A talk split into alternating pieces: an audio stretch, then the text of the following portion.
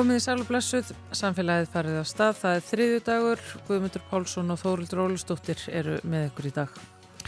Í sumar var farin umfangsmikill rannsóknarleiðangur þar sem magn uppsjáarfiska í norðaustur Allandsafi var metið. Og í þessum leiðangri mæltist útbreysla makrils mun meiri við Ísland en síðustu tvö ár í sambarlegum leiðangurum. Við ætlum að spjalla við sérfræðingi makril hér rétt á eftir.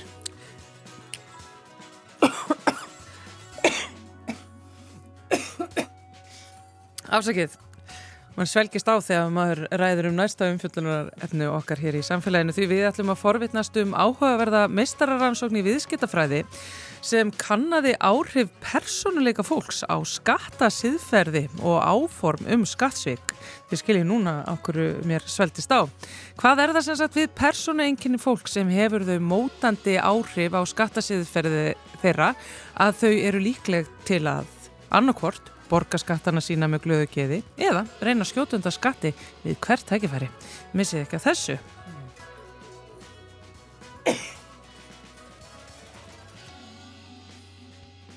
Ætlum líka að tala aðeins um uh, málfar, það er ekki málfars mínúta í dag en það er hins vegar málfars spjall. Við ætlum að, að tala við málfarsráðunut Rúf og ég ræða meðal annars hvort það sé hallarislegt að kalla pítsu pissu. Já, það eru öll þessi útlensku nöfn á matvælum sem að maður byður um á veitingastöðum, kaffehúsum og bakaríum. Þarf við að bera þetta alls saman fra, fram rétt? Má ég segja cappuccino og crepes án þess að þessi hýjað á mig fyrir að vera lummo? Við komumst að því í málfarspjallinu eftir. Já. Byrjum á makril.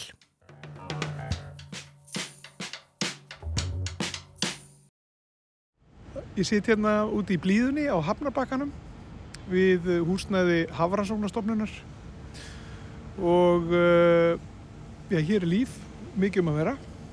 Hér er rannsóknarskipi Bjarni Sæmundsson, beint fyrir fram að mig. Og við hliðin á mér er Anna Heiða Ólafsdóttir, uh, fiskifræðingur hjá Hafransóknastofnun og sá sérfræðingur uh, við þá stofnun sem að hefur svona undafarið sérhæft sig í rannsóknum á makril, er það ekki? Eða uppsjáfiskum eða hvað? Jú, þetta er alveg rétt hjá Guðmundur. Ég vinn hérna við rannsóknir á makril og kolmuna. Það er svona þau verkefni sem ég ber ábyrð á. Og núna í sumar þá var farin mikill leðangur, samnorræn leðangur, getur við ekki sagt það. Það var svona Norrlanda þjóðunar saminuðust uh, og fóru í stóran leðangur til að meta útbreyslu og magnu uppsjáarfiska og þar kom meðal annars í ljós að það er, það er mikið af makril í íslenski lössu eða hvað. Já, þessi leðangur nú, hefur verið farin í 12 ár og það hafi verið svolítið sveiflir í magni makrils hérna við Ísland. Á sömbrinn þá gengum makril hérna norður eftir í Norrisafið og í innarsvæðinni kring. Það var mikið af makrils, það förum bara yfir aðeins söguna að þetta eru svo mikla breytingar. Að byrja að gefa smá svona hugmyndum hvernig þetta hefur verið að sveiflast. Sérst, þegar leðangurinn er svona að byrja um 2010 þá var makrilinn strax komin vestu fyrir Ísland en ekki inn í Grænland. Svo næstu árum þá fór hann alveg upp að Östursund Grænlands og alveg suður eftir Östursund Grænlands.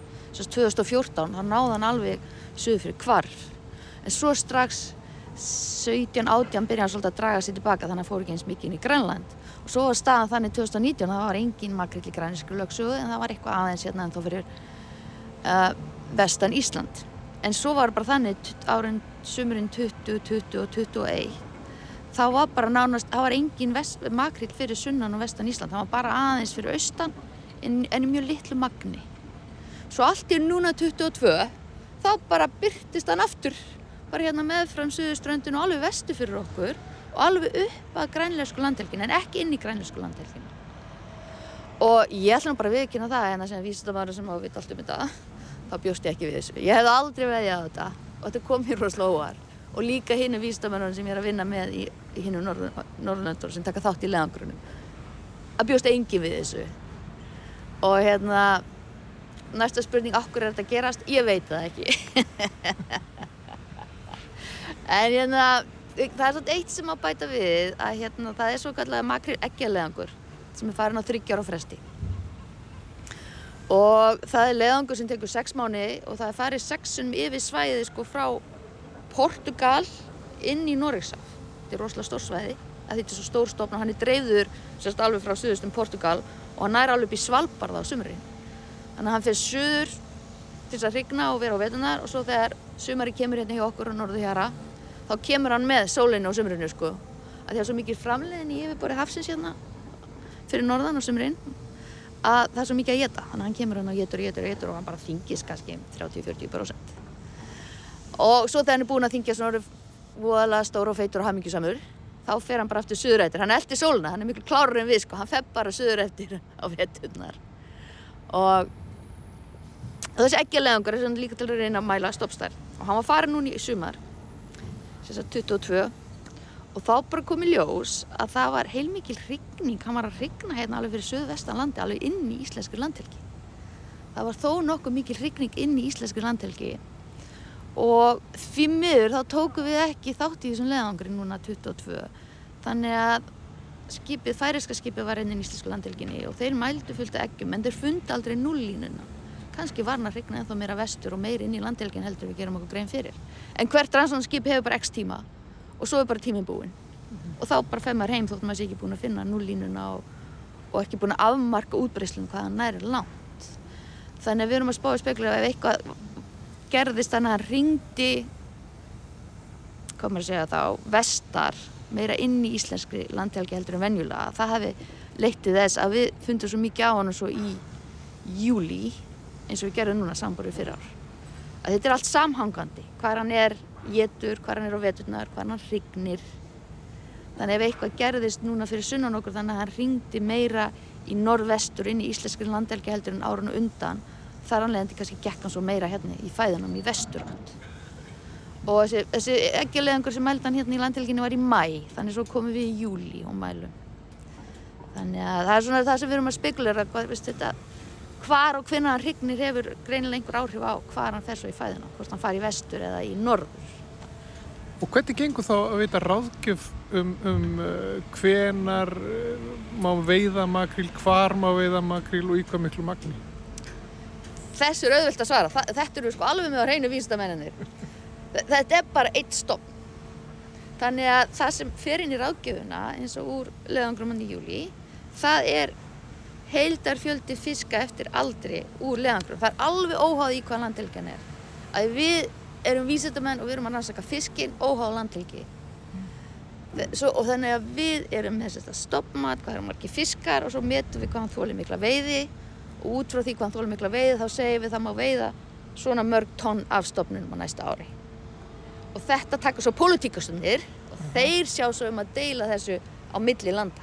Já, og svo, svo rýfast mennum það bara er það ekki hver má veiða hvað, hvenar og í hver, miklu magni og, og, og svona færa sín rauk fyrir því og það er mismunandi bara eftir hver maður er, hver raukin eru. Jú, og til að gera það á laungusögu stutta þá er búið verið að rífast um það í mörg, mörg ár en á sama tíma þá ákveðu hvert land hvaða tekur stóra prósendu af þessum heildarabla sem vísindamenni mæla með. Mm -hmm. En ef þú leggur svo saman heildarabla þessar landa sem getur ekki komið sér saman þá er hann svona hund, að meðaltali 140% af þeim abla sem vísindamenni mæla með. Mm -hmm. Þetta var að mannamáli. Þetta getur alltaf verið sjálfbært. Maður hefur áhugraði að það komið svo tími að þetta að stofnin hrinji. Það hefur, við hefum kannski vissulegt verið heppin að það hefur verið að koma inn sterkir árgangar með tildulla stuttu millibili. Og það hefur bjargað í að þetta hefur ekki hrunnið, en hann hefur verið að minka frá 2014 til 2021 þá hefur stofnin minga minnum um 40-50% og hann er bara rétt fyrir ofan þölmörkin þar sem þetta fyrir að fara á þölmörkin þar sem þetta fyrir að hafa áhrif á framleginina uh, þannig að auðvitað höfum við áhyggjur. En við, við höfum ekki með pólitíkinn að gera. Nei, ég ætla nú ekki að draga því inn í ykkur pólitík. En, en það, sem sagt að það finnst meiri makrill núna hér í íslensku lögsögu um, það þýr ekki endilega sem meiri makrill það er bara, hann er bara hér en ekki annar staðar. Já. Hann er náttúrulega, hann bara dreifir sér við rosalega stór svæði og hann er náttúrulega ef við vitum hvernig makrill er, hann er rosalega þetta er svona svo líl túnfiskur, hann er rosalega vöðva stinnur og stæltur og hann getur synt rosalega mikið og rætt og hann er bara mjög kvikur í hafinu og hann getur alveg þess vegna sko og við vit, skiljum ekki alveg okkur hann, þegar hann er búin að rigna og er að fara ganga hérna á fæðisvæði okkur hann fyrir stundum í norðurinn í Norriksaf og okkur hann fyrir stundum beigir frekar í vestur og fer til Íslands og vestur fyrir Ísland. Við skiljum ekki alveg hvernig hann tekur þessu ákvörðun á vorin. En hann verðist vera svolítið dænamískur í þessu. Stundum fer meira hlutin allir í Norriksaf og stundum fer hann bara pínlítið vestur og stundum mikið í vestur. En viðst, það er alltaf einhver makrill í Norrisafi það er alveg stöðugt það er svona dýnamísk kaffi mikið í vestur. Og hvenar er makrill leitur? þeir byrja að leita að hann strax í júni þeir vilja náttúrulega helst við hann á haustin þannig búin að vera að geta og orðin svona stinnur ekki lausi í sér. Og er það núna? já, íslensku skipin náttúrulega mega bara veiða í íslensku landilgi eða alþjóðlega hafsvæði þannig þeir verða að veiða hann í fæðugöngun áðan hann fyrir söður og í burtu inn í evróska lögsögðu, Evrópussambandi eða Noreg. Þannig að þeir eru að reyna að veiðan byrja eins seint á sömurinn og þau geta en samt að reyna að vera vissum að geta klára kvótan áður en að makrillin fer í söður. Þannig að það er svona oft í lók júni sem þeir byrja að leita. Svo er aðalveiðin í júli, ágúst, það eru aðalmánuðnir svona undanferðan ár og svo kláraður inn í september. Þeir veiða alveg inn í september eins lengi og þeir finna. Hvernig, eh, hvernig er svona já, hegðun makrilsins, sko, er, er þetta eins og þessir uh, uppsjáfiskar, loðuna, síld, kolmunni sem, a, sem er mikið á ferðinni fer mjög víða og stundum ansið rætt yfir og, og, og, og færi sig kannski eftir hvað umhverfisástæðum eða hvað rætið er og hvernig hittastíð er og svo frá þess. Sko, við vitum um makril því hann er frekar, vil vera í temprum sjó, hann er ekki norðurslóðategund. Hann vil ekki vera í köldun sjó. Hann vil frekar vera í, fyrir ofan nýju gráðum, hann getur alveg, ef, já, það eru svona mest í þjætleikin á hann, hann getur alveg farið jafnvel niður í 5 gráður, en það er oft mjög lítill þjætleiki og frekar ólílegt að finna.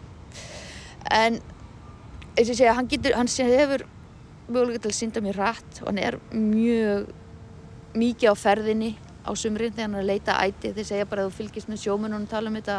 Veist, þeir finna mjög mikið makrið þennan daginn svona stáð það er ekkert daginn eftir. Hann er bara mjög kvikur og út um allt. Hann er örgulega fljótastur af öllum þessum fiskum svona að, á ferðinni hann getur ferðast hratt á, á milli staða.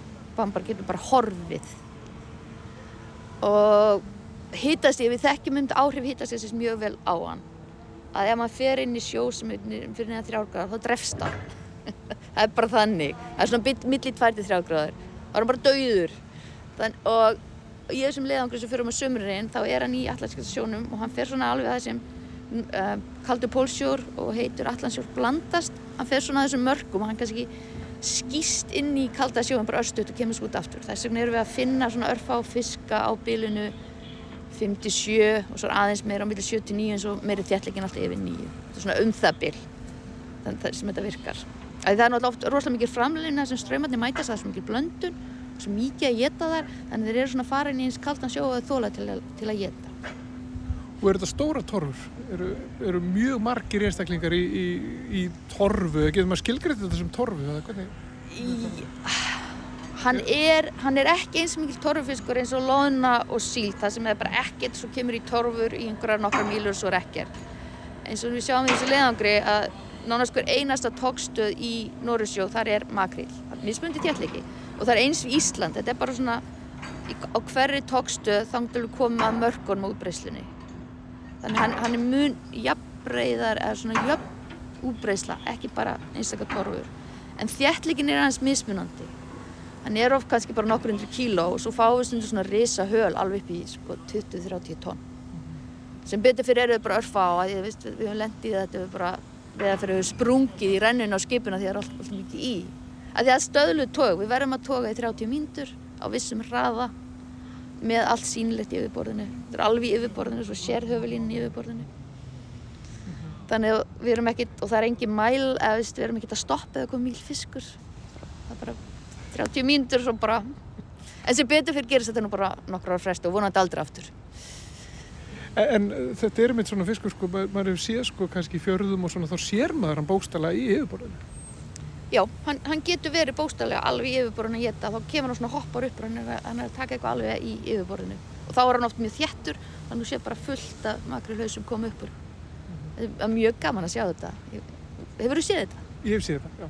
Já. Það er svona eins og sjórinn einhvern veginn sjóði bara, einhvern veginn, það er svona eins og, að- hann sé bara reyfingu, sko. Já. Það er alveg magnað að sjá þetta oft fyrir svona. Maður hefur séð þetta, það þarf að vera svona gott veður svona núna, þá getur maður að séð þetta. Já, Og það er alveg magnað að sjá þetta. Það eru nokkur ár, ég finn að viðkynna, það eru nokkur ár sín ég sé þetta, en innan 2017 var þetta mjög ábyrjandi innan fyrir vestan Ísland, ég mann til því. Fengu líka svona gott veður, það gerist nú ekki alltaf, sko. Það er ekki alltaf svona veður út í júli út á sjó við Ísland, get ég sagt þér. En, en þegar sko svona stórun leiðangri líkur og það þarf náttúrulega að vinna á þessum gögnum öllum og svona, hve- hvernig er þessi vinna, sko mikið af þessi er vantanlega einhver innsláttur á einhverjum upplýsingum og, úrvinnsla einhverjum gögnum, en er, er þau líka bara með bara fisk á borði sem eru að skoða? Já, já, það er alveg tekið okkur einast, einustu tókstöð. Það eru sko, það eru fastar tókstöðar sem er ákveðið fyrirfram og það eru 35-70 mílur á milli þeirra og við erum með ákveðið protokóla hverju tókstöð, við gerum alltaf eins og þetta er allt fyrirfram ákveðið og öll skipin gera eins. Og á hverju tókstöð þá viktum við allan aflan og flokkum í tegund og viktum afla per tegund og svo er tekin ákveðin fjöldi fiska af hverju tegund og hann er mældur, veist, lengd, þín, kyn, kynþróski, tökum kvartinnar og aldursgreinin, tökum magasíni, stundum er aukaverkefni með erðasíni og svona ímislegt í gangi. Og svo er þetta bara allt slegin í tölvu bara strax, bara þegar við erum að mæla. Þetta er bara allt tilbúið í gagnagrunn. Og svo tökum við líka veist, sjósýninir á 500 metrar, mælum hittasti og seltinir á 500 metra, tökum svona efnasýni og mælum fyrir umframleginni og svo setjum við átaháfa, mælum átamagni, þannig við vitum svona í hvernig umhverju er fiskurinn og við vitum líka um hvernig umhverju er hann ekki, Þess, það er aldrei neitt makrill í kaldasjónum og svo er átan til þess að vita hvað er mikið, mikið fyrir að geta. En þetta er eiginlega allt unni út á sjó og bara tilbúið í gagnagrunn nema að kannski alltaf búið aldursgrunna fiskana. Það er gert í landi. Þannig að við náttúrulega komum oft í land bara þarna í lók júli og já, þá var já, alltaf þetta að þurka átu sín og mæla og svona en það er bara gert leið að koma í land. Að því svo mjög stuttur tíma því miðjan ágúst þá þurfa öll þáttökuskipin eða vísnamenn frá öllum þáttökuskipinum hittast og við vinnum úr gögnunum saman. Maður sé bara um að gögnum séu rétt og svo förum við með þetta á fund og þar er unni úr svo öllu saman og við reiknum svona vísitölu úr leðangrunn fyrir makriðin sem er svo fer svo á stoppmannsfund vikuna eftir. Það er allir að býða eftir okkur sko. Þannig að þetta er rosa keisla. En við gerum meirinn það, við vinnum líka úr gögnum fyrir síld og kolmuna. Það er ekki byrja að nota þau gögn í stoppmat en þá er ætlun að gera það næsta árum. Næst ef verður rínufundur fyrir þá stopna þá aðtöð hvort að setja að nota þessi gögn í stoppmat fyrir kolmuna og síld. Úr þessum leðang, samanleðangri. En við gerum líka stóra skýslu þar sem alla niðurstöðnir eru byrtar, veist, það er líka hafraðinn og, og átan og allt svona. En svo er kannski uh, stóra málið að setja þetta allt í samhengi, eða hvað? Að einhvern Já. veginn að átta sig á hvað hefur áhrif á hvað og, hvernig samspilið er. Já, og við gerum það náttúrulega mest þá með vísindasamstarfi. Þannig að þessi hópur sem tengist þessu leðangri, við erum að vinna í og vísindagreinum. Við höfum byrkt vísindagreinum nokkrar, það eru nokkrar í gangi núna og svo erum náttúrulega næsta veist, framtíðin, hvað ætlum við að gera næsta, þetta er búið sem við erum að klára núna. Þannig að það er raun og verið þar sem úrvinnslan fer fram sko hvað þýðir þetta, hvað er að gerast í visskerfinu, er, hvaða mekanism eða hvað maður að segja, hverjir eru ferlanir í visskerfinu, hvað gerir það að verkum að í visskerfinu sem að makrillin er stundum í norður og stundum í vestur. Okkur er stundum góð nýliðin á makrill og okkur ekki. Og þetta er ekkert svo einfalt að það sé bara, eða meiri áta hér þá fyrir að þanga. Þetta er oft flóknari það því að fiskar það sem að, veist, þeir fara, fyrir fiskur hann, þeir hrigni ekki bara einu svona degi, heldur makrillin hann hrignir og fyrir suður og kemur aftur, þeir fara nokkra svona ringi göngurringi að hann er drepast út oft með þeir byrja kannski að hrigna þryggjára en þú ert nálega upp í tíu ára fisk í stofnunum þannig að þá ertu líka komið með svona hluti sem þið geta lært gönguminstur. Þeir muna það kannski og fara alltaf sama gönguminstri eða þá þessir ungu sem eru inn læra af eldri. Eða kemur stór stopp eh, árgangur þá getur það svolítið svona dominerað gönguminstri þetta eru svona spurningar sem við erum að pæli og reyna að svara. Þann, þannig að makrillin hann getur orðið bara nokkuð gammal og, og sérstaklega með að vera uppsjáfiska. Í, Er það ekki, ef þú tekur eh, með við loðnu? Mjög við lónu, já, lónan er einstök í því að hún hrygnur og deyr, þetta er eiginlega allt búið hún er þryggja fjörara, Já. en síldin og makrillin, kolmunin, þetta er allt fiska það sem er hrygna og, og aftur sko, það er svona groundhog day á þeim alltaf, aftur og aftur, en það er svona ás, þannig að þú, þar er alveg með fiska, síldin getur auðvitað orðið 20 ára, makrillin getur það líka, við myndum ekki veiðan allan sko, en hann, er- já, já, en kannski stopnin, þú finnur ekkert mikið af þeim fiskum, það er svo lítið eftir stopnin af svona gömlu fiskum, mm þið geta orðið það. Ef þú talar um veiðistofnin, þá er það svolítið eftir árgangustið, en makrillin er kannski oft þryggja til 8, 10 ára, eða stór árgangur. Og síldin, hún kannski, getur kannski, kannski nokkrum árum eldri, En, veist, aðal veiðin er ofta ung, yngri fiski, þryggja til 8 ára kannski, að því að það er svo mikið af þeim í stofnum, það er svo fáur eftir. Það búið að vera að veiða hinn í svo mörg ár, það er svo fáur eftir. Já, síldin er, já, síldin er aðeins eldri. og getur hún alveg 20? Já, já, já, 25 mörgl, sko, ef maður leitar. En alltaf eftir því sem fiskarnir verða eldri þá er erfiðar aldursgreina. Þannig að það verður svona meiri óvisa í aldursgreiningum. Það er bara hluti. Hva- Þetta verður óskýrari hérna, allar, allir baugarnir, og þetta. Er bara mjög áhugavert, Anna Heiða Ólafsdóttir, fiskifrækur hérna hjá Hafrafnarstofnun.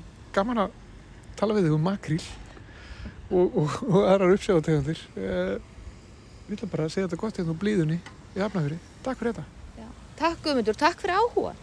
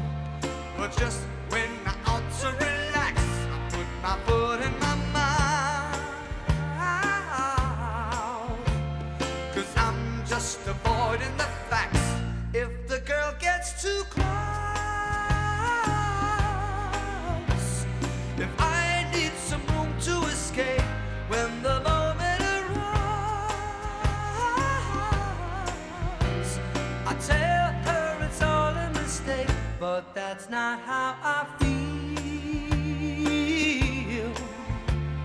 No, that's not the woman I know. She's undeniably real. So leave a tender moment alone. But it's not only me breaking down when the tension gets high. Just when I'm in a serious mood, she is suddenly quiet and shy.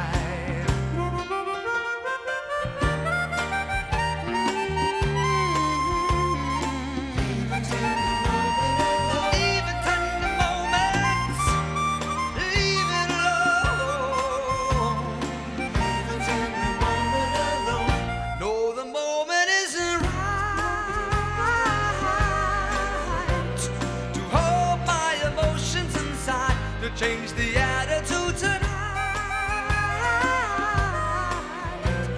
I run out of places to hide, and if that's how I feel, then it's the best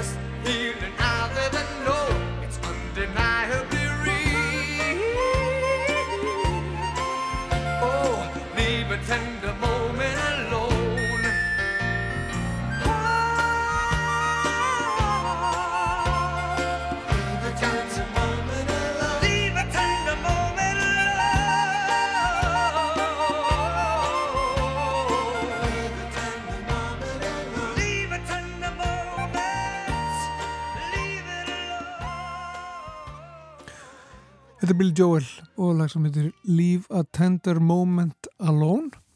Lag sem kom út árið 1984 og var á blötunni hans An Innocent Man. Við hér í samfélaginu höfum eh, reglulega fengið til okkar eh, nefnendur úr háskóla sem að hafa unnið að aðteklisverðum loka verkanum og rannsóknum.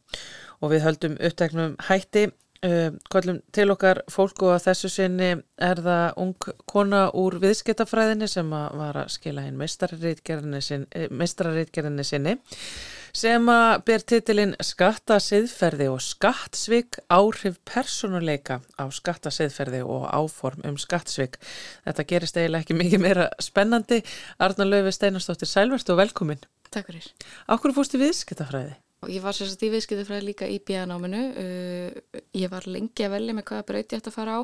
Það var eiginlega bara tvent sem kom til greina. Það var annarkort lögfræði eða viðskiptafræði. Já.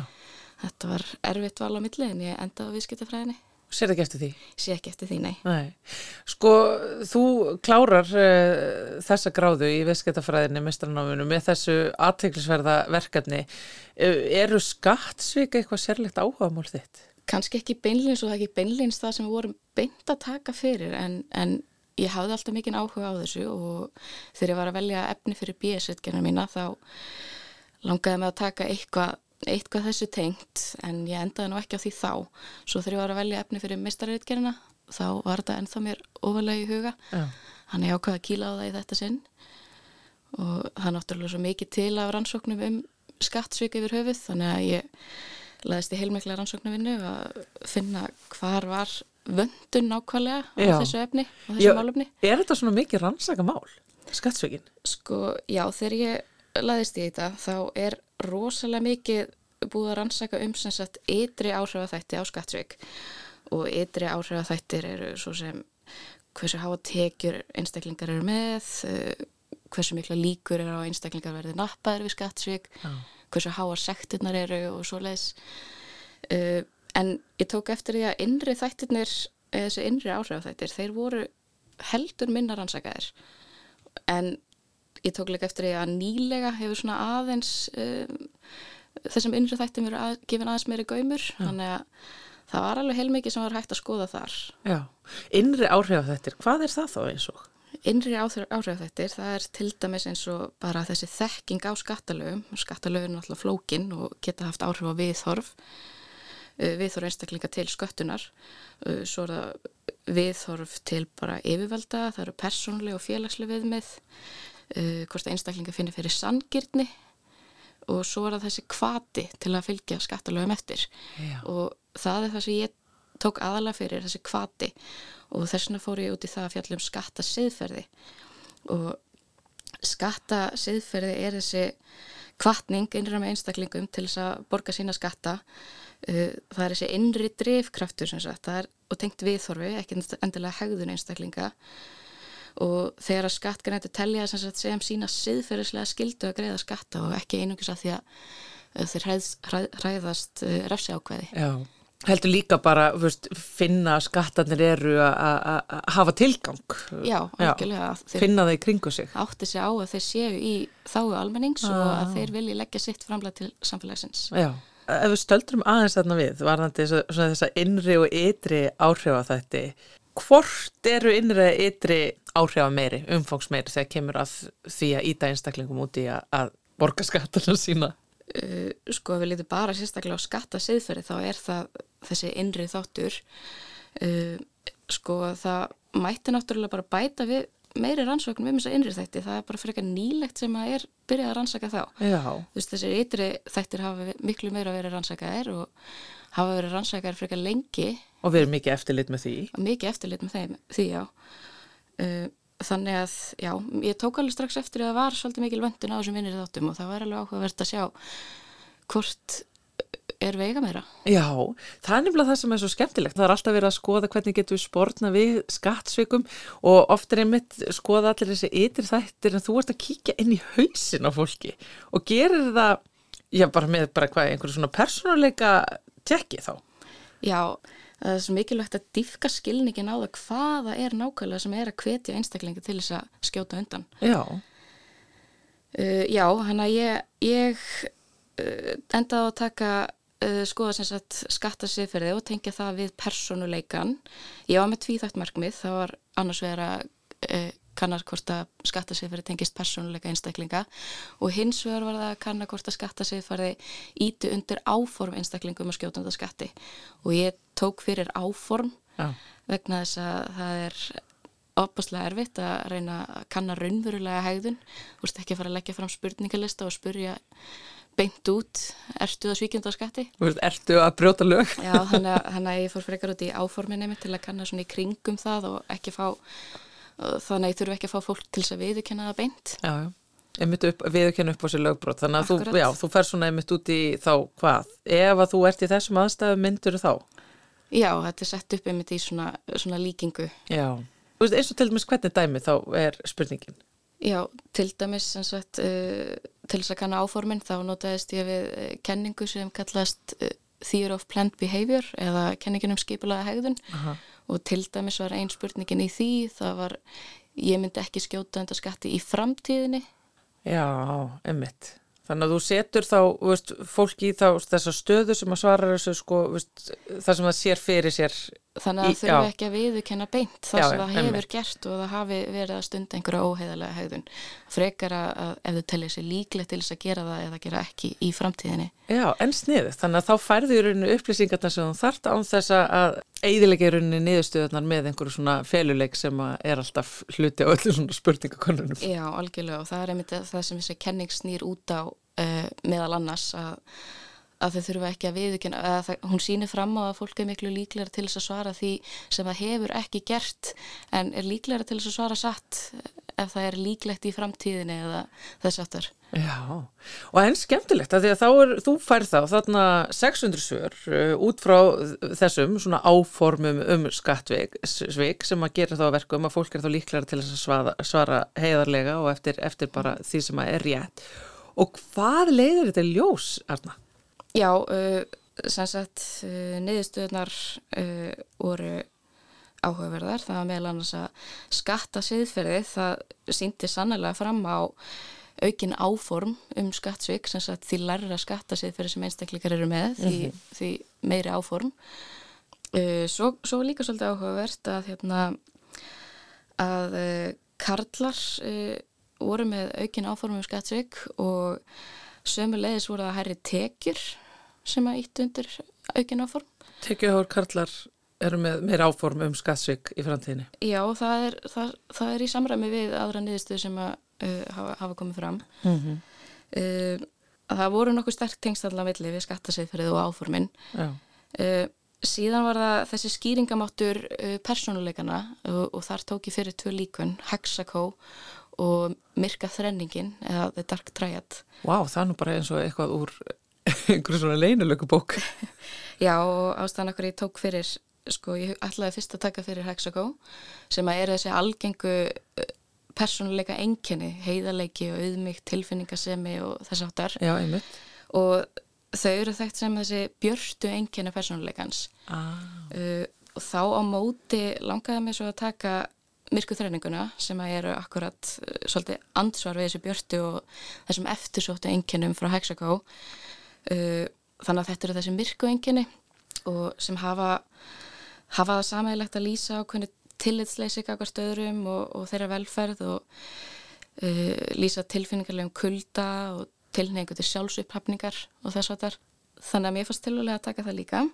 Það er eins og að koma óvart að skýringamátturinn við myrku þrenninguna, hann var nú ekki eins, og, eins mikill og ég opna búist við. Það síndi fram á 4% skýringamátt.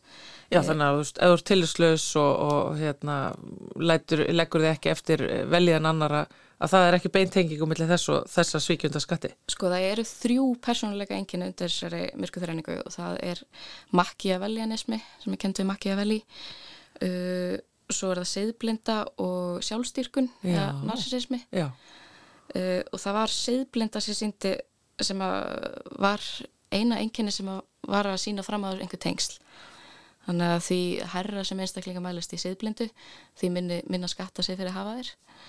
Uh, en svo var það með Hexaco, þessi já, Uh, þá var það heiðarleiki og auðmygt uh, sem var, síndi fram að sterkasta skýringamátinn.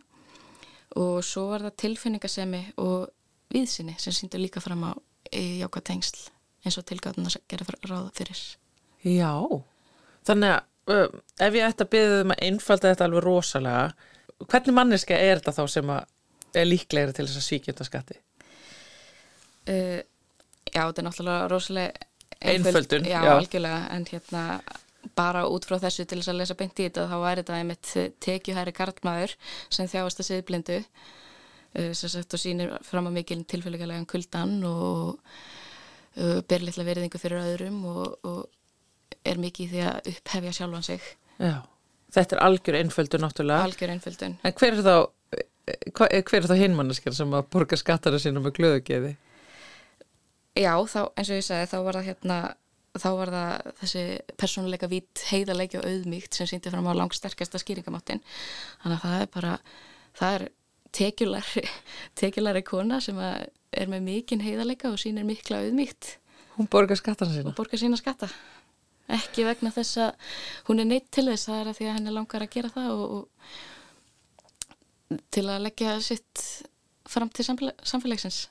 Já, eins og ég segi aftur, mikil einföldun en Já, þetta er náttúrulega mikil einföldun, þetta er náttúrulega, veist, aftur, þetta er náttúrulega mistariðgjör og þetta er náttúrulega svona flóknari, náttúrulega útskringar og líkvönn og spurninga eh, aðferðafræði þarna baki, en þetta er svona, ef maður dregur þetta út alveg simpelt. já, En Arna, sko, hvað er hægt að nota þessa niðurstöður í?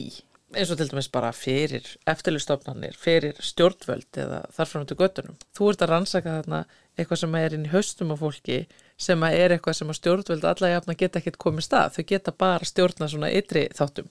Já, akkurat, eins og ég sagði á þann að það er svo gríðarlega mikilvægt að bara að skilja og dýfka skilningin á því hvað það er sem að er að hvetja einstaklinga til þess að svíkja þetta skatti. Að því að skattsvík hafa þetta neikvæð áhrif á margvíslega þjónustu eins og helbyrjastjónustu og mentakerfið og aðra samfélagslega innviði. Þannig að það eru þetta mikill þrýstingur á að reyna að koma eins mikið í veg fyrir og hægt er fyrir skattsvík en uh, skattsvík eru þetta auðvitað er alltaf viðvarandi vandamál og það er náttúrulega erfitt að koma alfarið í veg fyrir það. Þannig að, að reyna, það að reyna að íta undir þessa kvartningu sem að hvetur einstaklega til þess að borga skatta uh, það tel ég að myndi gera gríðarlega mikið og, og meðal annars sem dæmi um þessa kvartningu þá er þetta átæk sem að uh, sem að var í gangi að allir vinna Já.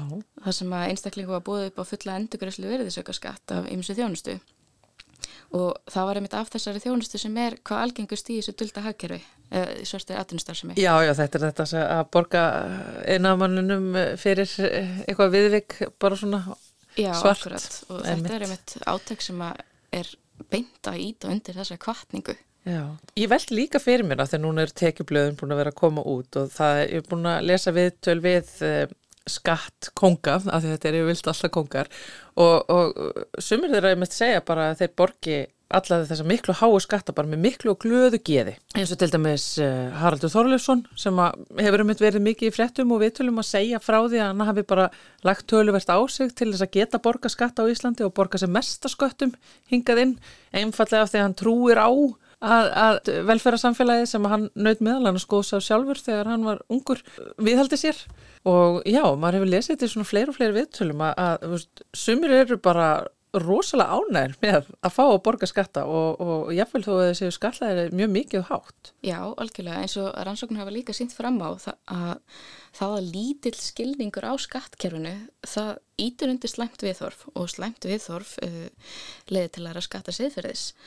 Þannig að bara það að einstaklingar einmitt, eins og, eins og segir hann borga með glöðu geði skatta, bara það að einstaklingar gerir sér grein fyrir því að skatta séu í þá almennings. Og gefa það líka jáfnvel útgæti verið kvartning. Já, og bara að þeir átti sig á að þetta sé nöðsulegt fyrir þá þjónustu sem að margir nota og, og taka alveg öruglega sem sjálfsögum hlut. Þannig að þetta einmitt virka sem kvartning Já. að því að borga sína skatta. Já. En svo erum við líka náttúrulega tala mjög neikvægt um skatta og einmitt þá er einmitt spurning hvað áhrif það hefur einmitt þegar kemur að því að borga þessa skatta. Af því að, þú veist, er ekki almennt talið að sé alveg frekar einfalt að skjótunda skatti ef að viljin er fyrir hendi og ég tala um miklu peningur og góður endurskoðandi. já, eins og ég tek saman í rittgerðinni þá eru náttúrulega skattsveik algeng og hérna, þetta er sem, eitthvað sem að öll samfélög uh, þurfa að kljást við Já, og það er bara mismikið auðvitað um, auðvitað þeir sem að ætla að skjóta undan skatti þeir gera það en þess vegna er ég að mynda að taka þetta fyrir þetta skatta seðferði að íta undir þetta seðferði og íta undir kvartningunu að, að vilja borga skattana en já, auðvitað þeir sem að ætla sér að gera það, þeir gera það já, já, já. Það er einmitt máli. Þetta er mjög aðteglisverð og skemmtileg rannsókn hjá þér, eh, Arna Laufey. Eh, Ertu eitthvað að vinna í skattkerfinu eða, eða hefur þú svona hug á því í framtíðinni?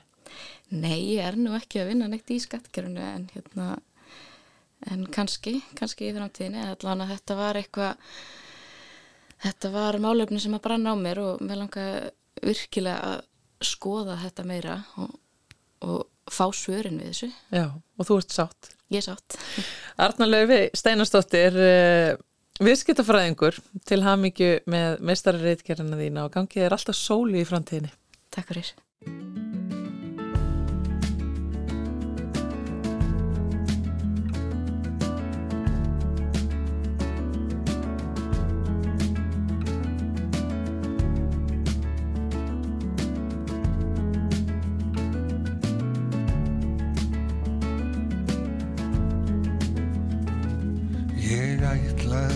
ætlaði að skrifa þér örlítinn pistil um upphaf og enda alls.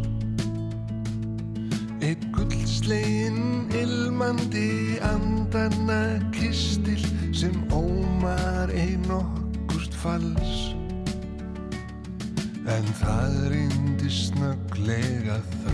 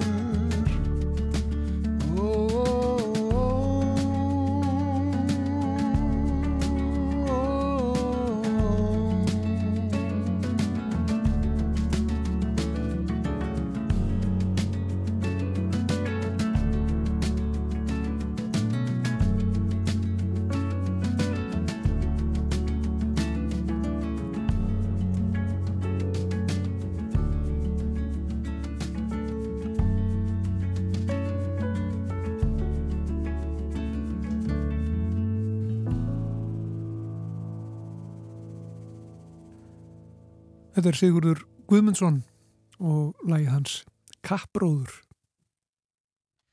Þá er hún sest hjá okkur Anna Sigriður Þráinsdóttir, Málfass Ráðunautur Rúf.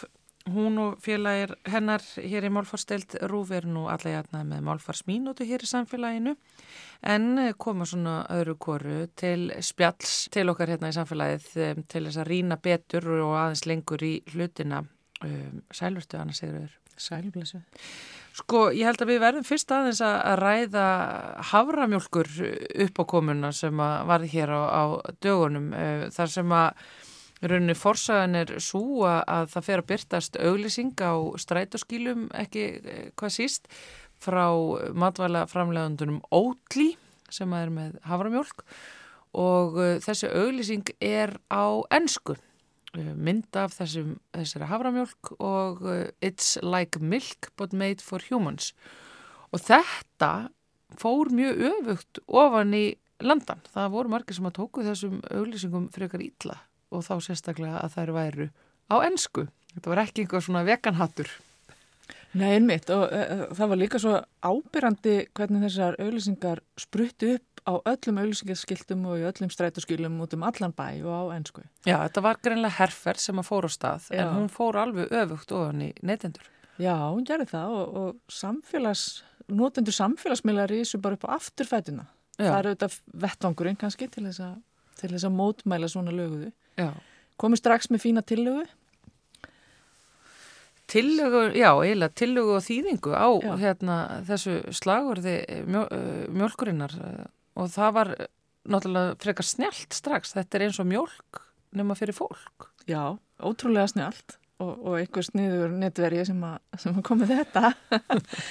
Mjög fínt. En það var auðvitað eh, sko, ekki bara það að, að, að, að neytendur risu upp á afturfætuna heldur reyndist þetta líka að vera brotar á, á samkjöfnislögum og, og lögum um markasetningu.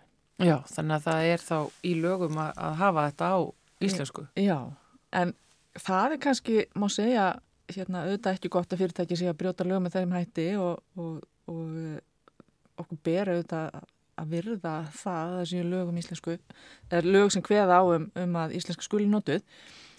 En það var bara svo aðtiklisvert hvernig, það, það kom svo greinilega í ljós að neytendur vilja auðlýsingar á íslensku. Já, sérstaklega þegar þetta liggur svona beint við þarna að mjólk og fólk Og- rýmar. ótrúlega snjöll þýðing en þetta gerist á hverju ári þegar, við, þegar auðlýsingarna byrja fyrir svartan föstu dag og svo framvegis þá, hérna, ég veit ekki hvað mörg ári röð ég kom hérna í morgunúttarpið að ræða svartan föstu dag Mm -hmm. uh, en fólk vill ekki hafa þessa öflugu markasetningu á erlendungum það vill fá auðlýsingar sem að þetta stingur í augun Já. uh, það var nú bent á það að, að þessar auðlýsingar að það væri kannski eðlilegt í sumum tilvikum að auðlýsingar væru á uh, að meðstakosti öðru máli með íslensku ef þeim væri beint sérstaklega að útlendingum, til dæmis að ferðamönnum. Mm en, en uh, auðlýsingar sem auðljóslega er beint til almennings á Íslandi vil, vill almenningur á Íslandi hafa á íslensku. Já. og það finnst mér einhvern veginn bara að vera svona ótrúlega öflugur stuðningur við íslensku. Já, það er nefnilega, hann kemur nefnilega úr ímsum áttum. Margir sem að halda að það sé alltaf vonar völ þegar kemur að upphefð tungumálsins okkar en það er svo sannlega ekki þannig eins og byrtist í þessu. Og eflust eitthvað, eru þessi mistök ótlei þarna eitthvað sem að auglisindur hér á landi gera ekki bráð? Nei, ég hugsa ekki og það var einhvern veginn líka svo, þetta, þessi snjalla þýðing var hjálpaði nú alltaf líka svo mikið til Mm -hmm. og það var mjög ánægilegt að sjá það að nú eru þessar auðlýsingar á íslensku á öllum skiltunum sem þær voru á ennsku fyrir viku síðan. Já, þegar var strax farið að laga þetta, að þetta það þurfti að fara í skaðmingunar aðgerðir og verið spennend að sjá hvort að þetta hafi síðan einhver, einhver áhrif á söluna á, á háramjölkinni hérna, hér á landi.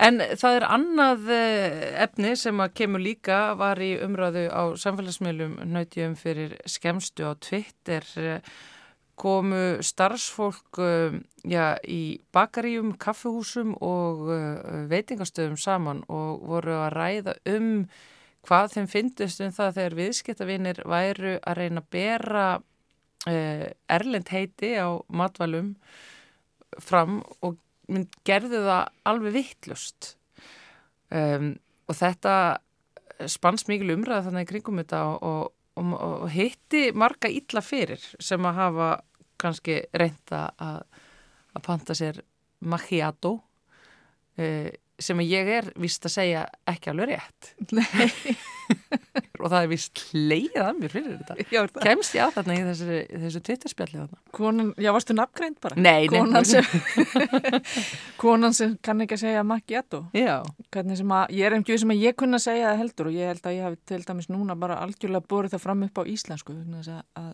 og það er nú eiginlega bara þannig.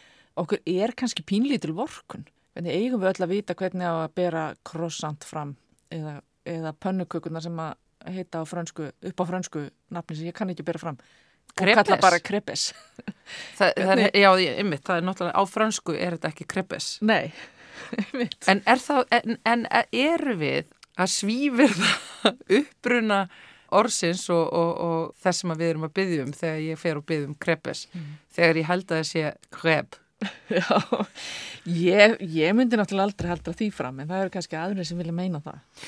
Það er nefnitt það sem var einmitt far, farið af stað með að það væri líka hallarislegt að þegar fólk væri að panta á íslensku eða hvaða tungumáli sem er og, og, og skipti síðan yfir í alveg ofsalega tilgerðarlegan frambörð á Og- þrjú croissant. Já, einmitt. Þannig að það, það, það, kæmi líka alveg jafn hallarislega út. Þannig að maður vissi eiginlega ekki hvað, í, í hvora áttinu maður ætti að fara. Hvort að maður ætti að reyna og, og mistakast og, og eða þá að reyna að fara í alveg öfgakendan frambörð og öllu því sem að maður vil fara í. Ég ætla náttúrulega ekki að fara að leggja neina línur með þetta. Mér finnst þetta mjög áhugaverð umræða en mér langar að benda bara á uh, það að, að hvert tungumál lítur ákvæmni lögmálum svona í framburði og það er kallað hljóðkerfi, hljóðkerfi tungumála. Mm og uh, það mál sem að stendur manni næst, það sem við kallum móðumál, er yfirleitt uh, hljóðkerfi þess máls er það hljóðkerfi sem við höfum best vald á. Þannig að það er okkur eðlilegt að, að, að, að, Ísla, að bera erlend orð fram upp á íslensku, sérstaklega svona orð sem við notum mikið eins og macchiato eða croissant. Baguette. Já, sem að við höfum reyndar held ég þurft að læra því að, að, því að það er skrifað öðruvísi. Ég hugsaði framan af að við Íslandingar sagt baguette og, og hvað, að hvað með það mexikonsku, mexikonsku orðin eins og tortilla og quesadillas Quesa, eða veist og ekki segja ég, jú, ég held það. og tortilla. Já, og alls konar svona, svo- svona heiti. Með tímanu fá þessi, þessi matvæli oftast einhver, einhver, einhver, svona, einhver íslensk heiti sem oft taka að draga dáma uppruna, upprunanum. Og uh, það er nú bara svo skemmtilegt að í orðafarða íslensku þá úr að grúur af erlendum matarorðum sem hafa, hafa verið löguð að íslensku með tímanum. Þannig að þegar við verðum búin að borða croissant í, í tíu ári viðbót þá, þá verður það kannski bara að fara að skrifa það upp á íslensku eða eitthvað. En er maður ekki einhver svona mörlandi ef að maður byður um, þú veist, velkælt glas af Pinot Grigio?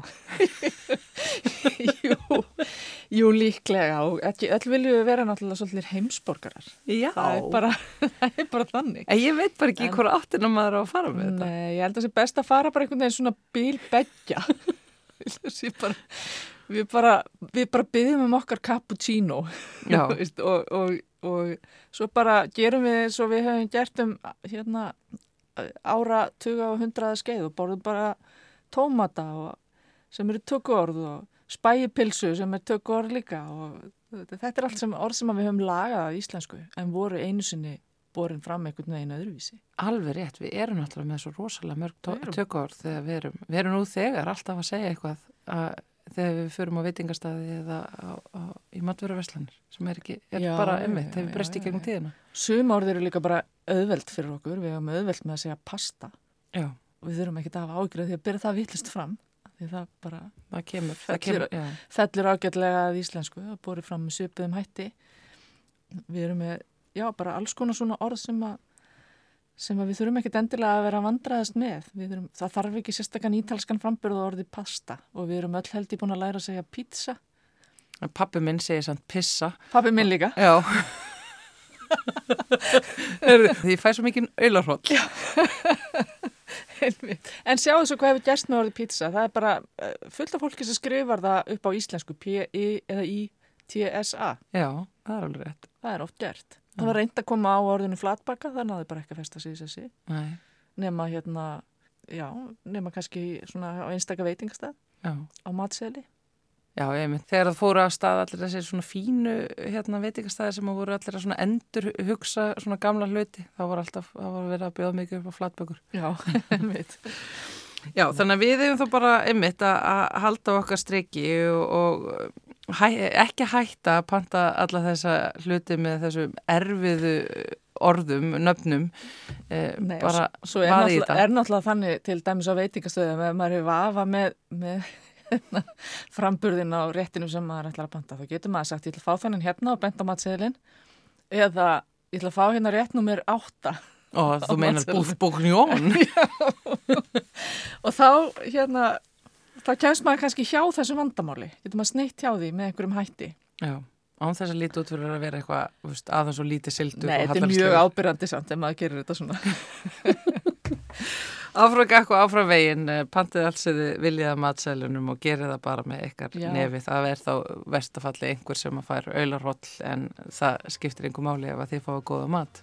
Einmitt. Anna Sigurður Þránsdóttir, takk kærlega fyrir spjalli hérna í samfélaginu. Takk Þá komst ekki lengra. Þennan daginn lefum önnu Sigriði að ljúka samfélaginu. Þennan uh, þriðjudaginn. Já, en þá er það bara miðugudagurinn sem er næsta dagskrá hjá okkur á morgun, eh, tróðfullur þáttur þá að venju hefst klukkan eitt og uh, Þórildur Ólistóttir og Guðundur Pálsson verða með ykkur þá og segja þanga til. Verið sæl.